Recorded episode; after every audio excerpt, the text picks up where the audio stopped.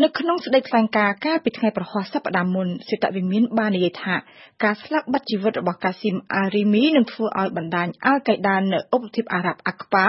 ចុះខ្សោយរួមទាំងចលនាអាល់កៃដាទាំងមូលសម្រាប់អាមេរិកដោយសម្រាប់បានកាស៊ីមអារីមីដែលជាមេកោយរបស់បណ្ដាញអាល់កៃដានៅទឹកដីយេម៉ែនគេកាន់តែឈានទៅអាចលុបបំបាត់ចោលទាំងស្រុងនៅការគម្រាមកំហែងភេរវកម្មដែលក្រុមនេះបានបង្កឡើងទៅលើសន្តិសុខជាតិអាមេរិក។ តាកាស៊ីមអារីមីជាអ្នកណាតាមមន្ត្រីអាមេរិកកាស៊ីមអារីមីបានចូលរួមនៅក្នុងក្រុមអាល់កៃដានៅក្នុងទសវត្សរ៍ឆ្នាំ1990ដែលបានធ្វើការឲ្យអូសាម៉ាប៊ិនឡាដិននៅប្រទេសអាហ្វហ្គានីស្ថាននៅឆ្នាំ2009ក្រុមអាក់ប៉ាដែលជាបណ្ដាញរបស់ក្រុមអាល់កៃដានៅឧបទ្វីបអារ៉ាប់ត្រូវបានបង្កើតចេញជារូបរាងដោយមានកាស៊ីមអារីមីជនជាតិយេម៉ែនជាស្ថាបនិកសំខាន់ម្នាក់ អារីមីបានក្លាយជាមេបញ្ជាការទ័ពដំបូងគេបង្អស់របស់ក្រុមអាក្បានិងបានចាប់ផ្ដើមដឹកនាំក្រុមនេះបន្ទាប់ពីមេចលនាអាក្បាគឺ Nasir al-Wuhaishi ត្រូវបានយន្តហោះដ្រូនរបស់អាមេរិកបាញ់សម្លាប់កាលពីឆ្នាំ2015 តាមសេចក្តីថ្លែងការណ៍របស់សេតវិមានក្រុមអាក់ប៉ាក្រោមការដឹកនាំរបស់កាស៊ីមអាល់រីមីគឺបានប្រព្រឹត្តអំពើហិង្សារាប់មិនអស់ប្រឆាំងប្រជាជនស៊ីវិលយេម៉ែនហើយនឹងបានព្យាយាមបញ្ចុះបញ្ចូលលើកទឹកចិត្តឲ្យមានការវាយប្រហារភេរវកម្មប្រឆាំងទឹកដីអាមេរិកហើយនឹងកងទ័ពអាមេរិក មេដឹកនាំរបស់ក្រុមអាក់ប៉ា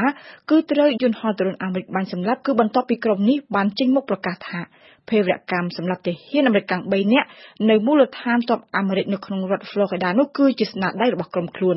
ក្រុមអាក់ប៉ាបានចេញមុខទាមទារយ៉ាងដូចនេះពីព្រោះថាទាហានអារ៉ាប៊ីសាអូឌីតដែលជាអ្នកបាញ់សម្លាប់មនុស្សនៅមូលដ្ឋានទ័ពនៅ Florida នោះធ្លាប់បានសរសេរសារ Twitter រិះគន់អាមេរិកហើយនឹងបានដកស្រង់សម្ដីរបស់អូសាម៉ាប៊ិនឡាដិន នៅឆ្នាំ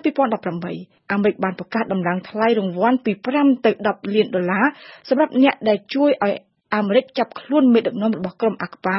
គឺបន្ទាប់ពីក្រុមនេះបានប្រកាសទទួលខុសត្រូវទៅលើអំពើភេរវកម្មនៅក្បែរស្ថានទូតអាមេរិកនៅក្នុងទឹកដីយេម៉ែនតើសម្រាប់កាស៊ីមអារីមីនឹងធ្វើឲ្យលែងមានការគំរាមកំហែងរបស់ក្រុមភេរវនិយមមែនឬក៏យ៉ាងណា បាននិយាយអំពីចំនួនភេរវកម្មដែលក្រុមអាក់ប៉ាបានរៀបចំកន្លងមកគឺភាគច្រើនកើតឡើងនៅក្នុងទឹកដីយេម៉ែនហើយនិងក្នុងទ្រង់ទ្រាយតូចបំផុត។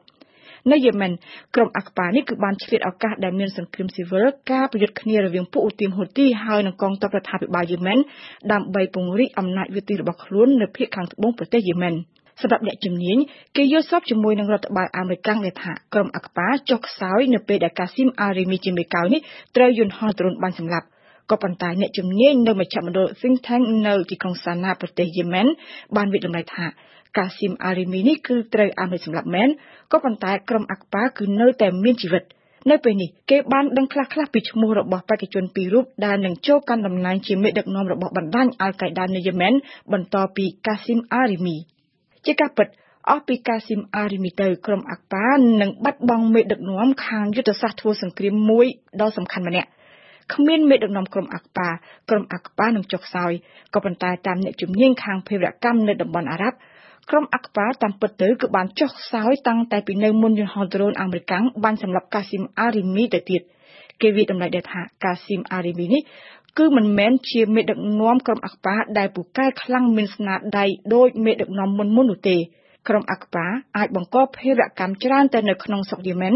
ដោយគេរកឃើញមានអំពើភេរវកម្មចំនួន207លើកនៅយេម៉ែននៅឆ្នាំ2007ចំណែកឯភេរវកម្មនៅទឹកដីបរទេសឯនោះវិញដែលក្រុមនេះចេញមុខយកស្នាដៃខ្លាំងជាងគេគឺភេរវកម្មសម្រាប់អ្នកកាសែតបារាំងនៅឆ្នាំ2015ដែលបង្កឡើងដោយបងប្អូនប្រុសពីរនាក់ត្រកូលគួឈីដែលធ្លាប់ទៅចូលរួមវឹកហាត់នៅទឹកដីយេម៉ែន សម្រាប់អ្នកជំនាញ ក្រុមអាក់ប៉ាដើរតួនាទីត្រឹមតែមានឥទ្ធិពល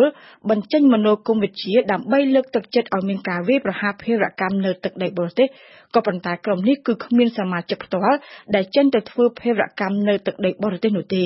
ការតាមប្រមាញ់សម្រាប់មេដឹកនាំអាក្បានឹងធ្វើឲ្យក្រុមនេះគឺកាន់តែចុះខ្សោយកម្លាំងហើយនឹងឥទ្ធិពលហើយនឹងផ្ទុយទៅវិញអាចផ្ដល់កម្លាំងទៅឲ្យក្រុមជីហាតអង្គការរដ្ឋឥស្លាមដែលតាមពិតជាសត្រូវប្រជែងឥទ្ធិពលរបស់ក្រុមអាក្បាដែលជាបណ្ដាញរបស់អាល់កៃដានៅយេម៉ែនសម្រាប់រដ្ឋបាលលោកដូណាល់ត្រាំទោះជាសម្រាប់កាស៊ីមអារីមីមិនបានធ្វើឲ្យបណ្ដាញក្រុមអាល់កៃដារលាយសាបសូន្យភ្លាមភ្លាមមែនក៏ប៉ុន្តែវាគឺជាអំណះអំណាងមួយទៀតដែលលោកដូណាល់ត្រាំអាចយកទៅប្រើដើម្បីតាក់ទាញម្ចាស់សម្លេងឆ្នោតអាមេរិក លោកត្រាំចង់បង្ហាញថាលោកមានស្នាដៃច្រើននៅក្នុងការកម្ចាត់មេដឹកនាំរបស់ក្រុមភរិយនិយមដូចជាលោកបានបញ្ជាគេបានសម្លាប់មេដឹកនាំរបស់ក្រុមជីហាតអង្គការរដ្ឋអ៊ីស្លាមអាប៊ូបាក់ដាឌីកូនប្រុសរបស់អូសាម៉ាប៊ីនឡាដិនហើយនឹងមេតបរបស់អ៊ីរ៉ង់ហើយចុងក្រោយបំផុតគឺមេដឹកនាំរបស់ក្រុមអាក់ប៉ាកាស៊ីមអារីមីនេះឯង។